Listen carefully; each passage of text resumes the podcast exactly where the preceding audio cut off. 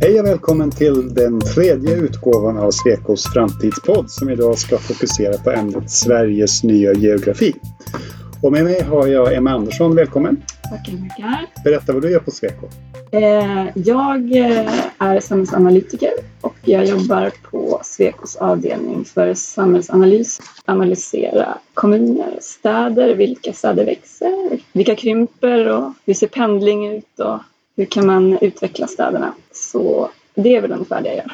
Och du är en av fyra författare till den här rapporten då, Sveriges nya geografi. Precis. Ämnet är så stort så att jag tänkte börja med en helt omöjlig fråga så får vi på något sätt smalna av det därifrån. Vem är det som flyttar vart i Sverige? Bra fråga. Eh, vi har ju tittat faktiskt på flyttmönster och då har vi tittat på inrikes flyttnetto, hur det ser ut under en tioårsperiod, senaste tioårsperioden. Och vi kan konstatera att det ser ganska olika ut beroende på hur man tittar på åldersgrupper. För om man inte tittar på åldersgrupper, alltså bara totalt eh, flyttmönster, då ser man ju att de här kranskommunerna nära storstäderna, de växer ju så det knakar. Och det är ju då storstadsregionernas attraktionskraft som det liksom syns. Det är många som flyttar till de här kranskommunerna, Täby, Danderyd exempelvis, Sundbyberg. Men gör man det då, titta, dela upp det och titta mellan åldersgrupper, då ser man att de här mönstren skiljer sig åt. När vi tittar på unga vuxna, alltså 20 till 29 år, de vill bo i storstäderna. Eller så flyttar de också till större städer och universitetsstäder. Det är ganska givet mönster. Och det är en väldigt flyttbenägen grupp också. De står ju för hälften av alla inrikesflyttar. 20 till 29 år? Ja. Och då ligger ju Stockholm, Göteborg, Malmö i topp och Solna, Sundbyberg och även universitetsstäderna. Men i befolkningen som helhet så växer då kranskommunerna mer än de stora städerna Göteborg, Malmö, Göteborg? Ja, de växer väldigt starkt. Det beror ju på att det finns en attraktionskraft i själva kärnorna, alltså Stockholm, Göteborg, Malmö, men att det är ganska dyrt att bo där. Så att framförallt mycket barnfamiljer, när man vill ha mer bostad för pengarna, eh, så flyttar man ut till de här kranskommunerna som vi kallar pendlingskommuner. Och det kan vi se då framförallt på barnfamiljerna, att där toppar pendlingskommunerna. De vill kanske bo lite större eh, när man får barn, de kanske mer grönytor och så eh, vill de ändå ha jobben på ett pendlingsbart avstånd. Och det, det gör att de här pendlingskommunerna blir väldigt attraktiva. Den här rapporten har gjorts ända sedan 1998 mm. vet jag. Eh, hur har flyttmönstren utvecklats över tid? Ja, man kan väl se att generellt sett har vi ju ett mer rörligt samhälle.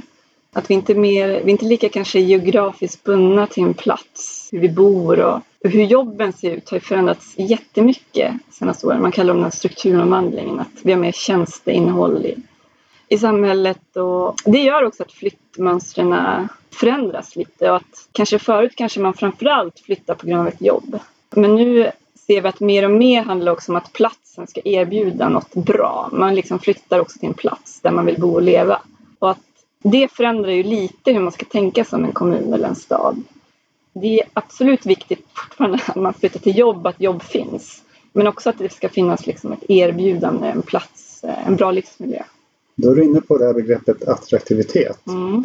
Du nämnde att det finns olika typer av, av kommuner om vi nu håller oss till det. Och hur ser attraktivitet ut för olika typer av kommuner? Ja, i årets rapport så delar vi in det i tre typer kan man säga. Dels boendeattraktivitet som handlar lite om det vi pratade just om, alltså kommunernas förmåga att attrahera befolkning och få folk att bo kvar. Och eh, sen har vi näringslivsattraktivitet som handlar mer om liksom företagssidan och eh, vilka företag, hur mycket företag växer, ökar lönerna exempelvis. Och sen har vi också tittat på besöksattraktivitet, eh, alltså finns det någon kommer många turister dit och finns mycket fritidshus. Så de tre typerna har vi belyst för att ringa in hela attraktivitetssidan. Vet människor generellt om de här olika formerna av attraktivitet när de väljer att flytta till en viss kommun?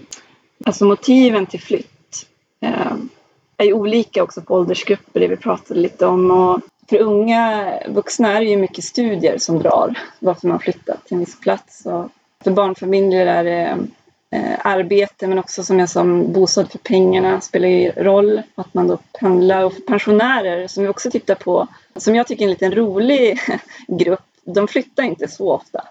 Men de står kanske bara för, jag tror det var 6 procent av alla flyttar. Men de är också en grupp som inte behöver vara nära jobben.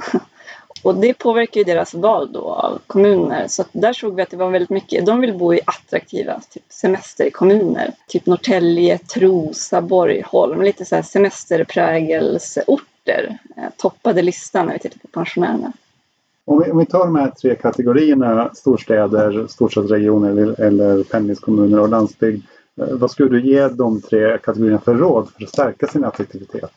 Ja, Ja, men om vi börjar med storstadsregionerna som består ju då av den här Stockholm, Göteborg, Malmö och sina kranskommuner. De har ju en stark attraktionskraft. Det kan vi ju konstatera när vi tittar på befolkningen och urbaniseringstrender. Många söker sig till en storstadsregion. De har ju fördelen att de kan liksom hitta sin egen roll de här kranskommunerna kan i princip vara boendekommuner. De kan satsa på att bygga bostäder. Det är ganska gynnsamt. De får skattebetalare. Och så kan man ändå nå jobben i storstan genom att pendla. Så där, att hitta sin roll i regionen och stärka den tror jag är en viktig förutsättning och samarbeta i regionen.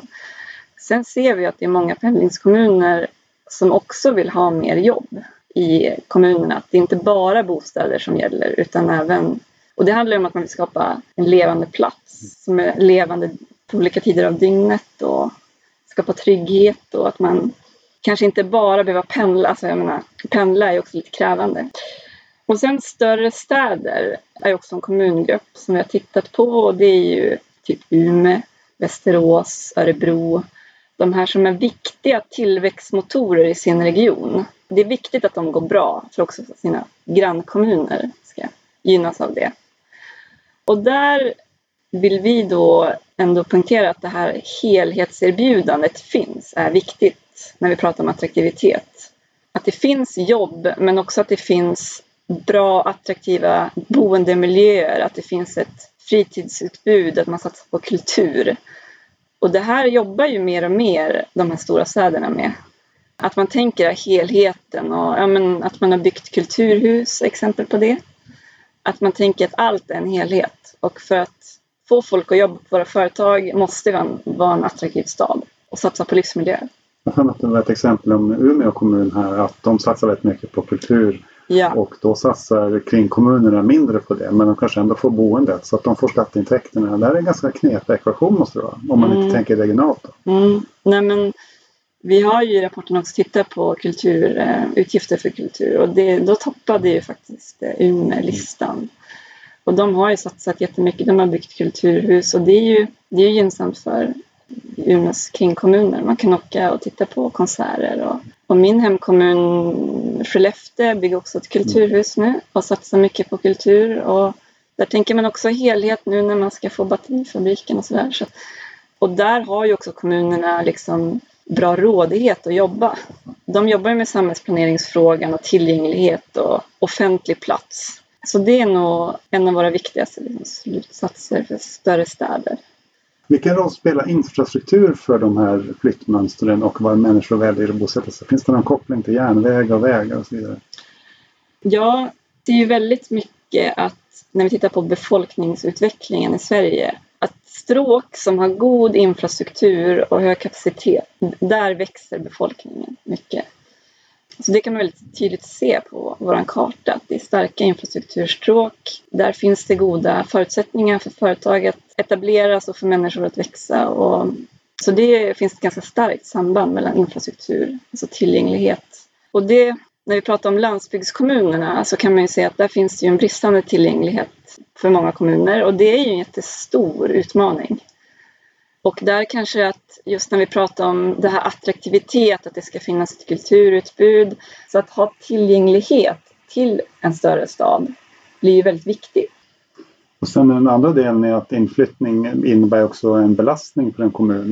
Ni har eh, skrivit lite om de här semesterkommunerna där man har fritidsboende. Yeah. Där till exempel är det ett ojämn belastning av, av sopor, sommar, vinter, vattenåtgång, den typen av frågor. Mm. Så att det kan också bli en utmaning om man får den här typen av säsongsinflyttning. Då. Ja men vi ser ju att när vi tittar på eh, hur fritidsboendet ser ut i Sverige så är det just såklart fjällkommunerna och semesterkommunerna som har väldigt många fritidshus per invånare. Det är både positivt och kan vara en utmaning. Alltså det är ju superpositivt att man kan ha många turister där delar av året som skapar service, det skapar sysselsättning. Vi ser att många besöksnäringskommuner så är arbetslösheten lägre än andra kommuner. Har man varit i Åre så ser man ju vilket rikt utbud det är på restauranger och, och shopping. Och det skulle inte finnas om inte besöksnäringen fanns där. Samtidigt som upp och nedgången under året är jättesvåra att planera för och de, gynnar inte, de ger inget skatteunderlag heller. Så det är ju en, en utmaning faktiskt. På vilket sätt påverkar digitaliseringen av samhället attraktiviteten? Blir det nya spelregler när allt fler tjänster kan göras digitala? Ja, digitaliseringen har vi tittat lite på här, framförallt när man pratar om service, alltså tillgängligheten till service som digitaliseringen är ju en möjliggörare att kunna göra sina serviceärenden liksom på distans. Och där är ju Sverige kommit långt i bredbandsutbyggnad. Där ser jag ändå att det är lite positivt, att det kan verkligen jämna ut skillnaden mellan stad och land och mindre kommuner. Går det att se något mönster kring de kommuner som har satsat på digitalisering? Helsingborg är en sån till exempel. Att det påverkar flyttmönster också? Nej, det är inte något vi har tittat på. Jag tror inte att det påverkar valet av flytt. För där är arbete, studier och boendemiljö viktiga. Jag vet att Västerbotten, jag tror Gotland också var duktiga på bredbandsutbyggnad. Glesa kommuner där man har väldigt långt till vård och service, där, ju, där kan ju verkligen vara en möjliggörare med digitaliseringstjänster. Det här är femte året som du jobbar med den här rapporten. Vad är det som överraskade dig mest i, i det resultat ni har fått fram i år? Um, jag tycker att vi har lyckats ändå nyansera lite vad attraktivitet är. Jag tycker att ibland blir det väldigt mycket fokus på tillväxt i form av befolkningstillväxt och då ser ju mönstret ut på ett visst sätt. Ehm, attraktiviteten blir framförallt storstadsregioner. Nu har vi tittat på många olika variabler och flyttmönster och delar upp i åldersgrupper och då kan vi se hur kommunerna bidrar på sitt sätt och att det finns kvaliteter i alla kommuner. Och det tycker jag är kul att se. Jag är nyfiken på din egen professionella resa som gör att du idag kan sitta och analysera sådana intressanta saker som Sveriges nya geografi. Hur, hur, hur ser din professionella resa ut? Jag är samhällsplanerare och har läst på Stockholms universitet och KTH Sen eh, sökte jag till traineeprogrammet här på Sweco. Och det är ju nästan sju år sedan nu. Och sen eh, dess har jag fastnat här på Sweco. Jobbar mycket med samhällsplaneringsfrågor på en övergripande nivå och får jobba med analyser av, av städer, kommuner och mina kunder är mycket kommuner och regioner. Eh, sen kom jag in på det här Sveriges Geografi och har fått jobba med det under fem år. Det är också ute mycket och pratar om de här eh, resultaten i både små och stora kommuner. Har du kul? Jättekul. Vad roligt. Mm. Du, I den här framtidspodden så försöker vi anlägga en positiv syn på det som komma skall. Och givet resultatet i den här rapporten, finns det någonting som kommer att bli bättre framöver eh, beroende på hur, hur flyttmönstren förändras? Bättre? Ibland kan det bli så när man analyserar Sveriges geografi att man kan bli lite bekymrad för att det är ganska stora skillnader mellan kommunerna och de ökar. Men man kan också se att när man bryter upp eh, olika variabler som vi har tittat på olika saker, att kommunerna har ju så mycket olika kvaliteter och att vissa är attraktiva på ett sätt. De kanske har mycket turister, andra växer i befolkning. Tittar vi på löneutveckling ser vi att ehm, det sker över hela Sverige på olika kommuner. Det tycker jag är positivt. Jag är även ehm, positiv till eh, att digitaliseringen kan påverka mindre kommuner, till exempel med servicelösningar. Man kan jobba. Man behöver inte alltid vara på kontoret. Och det tror jag bara kommer att... Nya sätt att jobba är intressant. Kan man bo i vissa kommuner men jobba från andra? Eh, och där är ju bredbandsutbyggnaden väldigt bra i Sverige. Så att det finns ju väldigt bra förutsättningar. Tack för att du var med i Svekos framtidspodd, Emma Andersson. Tack för att jag fick vara med.